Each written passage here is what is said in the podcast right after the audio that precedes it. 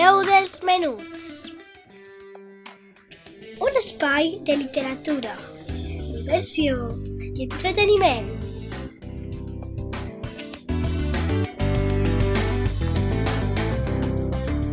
Amb Laia Esteve.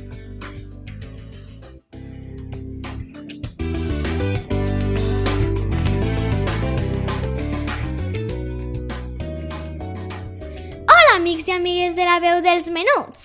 Com esteu? Espero que molt bé. Avui torna a ser dissabte i vos porte una història que espero que vos agradi. Està relacionada amb el Dia de la Pau. M'acompanyeu?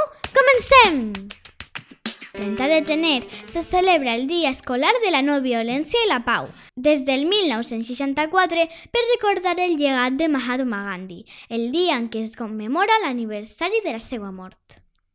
Per això he pensat que seria molt bonic dedicar aquest espai radiofònic a aquest home tan interessant que a mi tant m'agrada des de menuda, perquè tinc un conte molt bonic dedicat a la seva persona.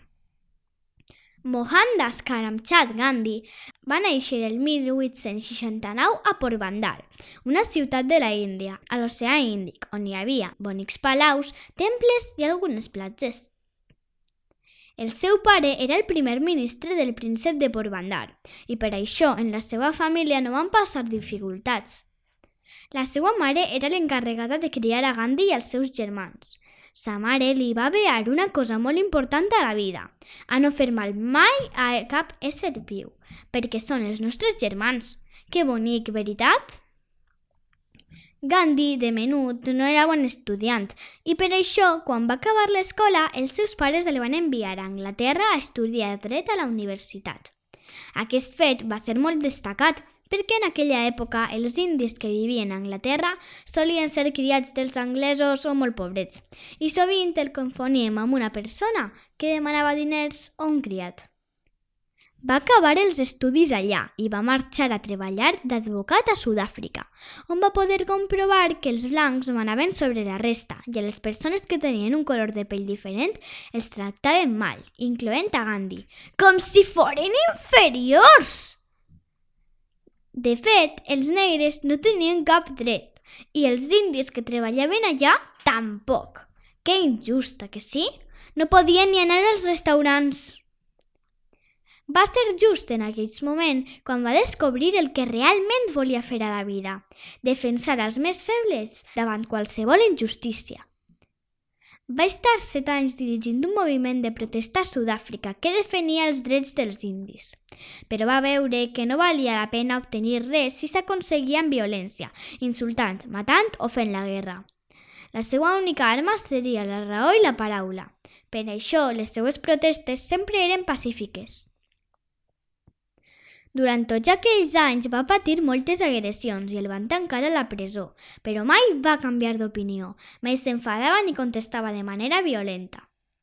El 1915 va tornar a la Índia, on també hi havia moltes injustícies contra les quals lluitar. La Índia formava part de l'imperi de Gran Bretanya i els anglesos no els permetien governar-se soletes. Es furtaven els diners, les riqueses del país i es tractaven fatal. Era un abús i Gandhi va dedicar tot el seu esforç a intentar que aquesta situació canviara i aconseguir la independència al seu país. Els anys passaven i no s'aconseguia res al respecte. Per això, el 1930 va decidir fer una protesta pacífica molt original. Els anglesos no els deixaven produir la seva pròpia sal, perquè volien fer-ho ells i cobrar-li diners a comprar la sal. Per això va decidir recórrer a peu els més de 300 quilòmetres que havia des de sa casa fins a la platja i, com a gest simbòlic, va arreplegar una poca d'aigua de mar a un bol i deixar-la eixugar per a elaborar sal. Quan va començar aquest viatge, l'acompanyaven uns quants amics, però la idea va tenir tant d'èxit que durant el trajecte es van unir desenes de milers de persones. La protesta va acabar amb més de 70.000 lladres de sal dins la presó. La lluita per la independència de la Índia no va ser fàcil i va durar molts anys. Durant aquests anys, Gandhi es va convertir en el símbol de la resistència contra les injustícies, però sempre de manera pacífica. Va anar diverses vegades a la presó, va participar en centenars de protestes i va fer 17 vagues de fam que quasi acaben amb la seva vida. Estava disposat a qualsevol cosa, excepte usar la violència. Després de 30 anys de lluita, els britànics van decidir abandonar les colònies de la Índia i el 15 d'agost de 1947 van declarar la independència del seu país i de Pakistan. Per fi va complir el seu somni! Però a partir d'aquell moment no va voler ocupar cap càrrec oficial en el nou país. Ell solament volia ser Bapu, que en la seva llengua significa pare. No volia ser ministre, ni rei, ni president...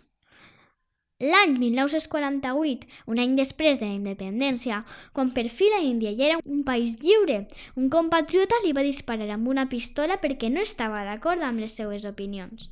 I així va acabar la seva vida precisament com ella havia evitat, és a dir, de manera violenta. I després de conèixer aquesta història tan bonica i trista al mateix temps, crec que ja coneixeu un poc millor el més important d'aquest gran personatge de la història de la humanitat, un home que sempre va lluitar per la pau i va morir violentament un 30 de gener. Us ha agradat? Espero que sí. Moltes gràcies per escoltar-me cada dissabte. Aneu amb compte i, com sempre vos dic, cuideu-vos molt!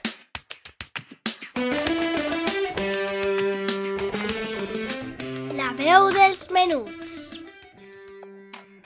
Un espai de literatura, diversió i entreteniment.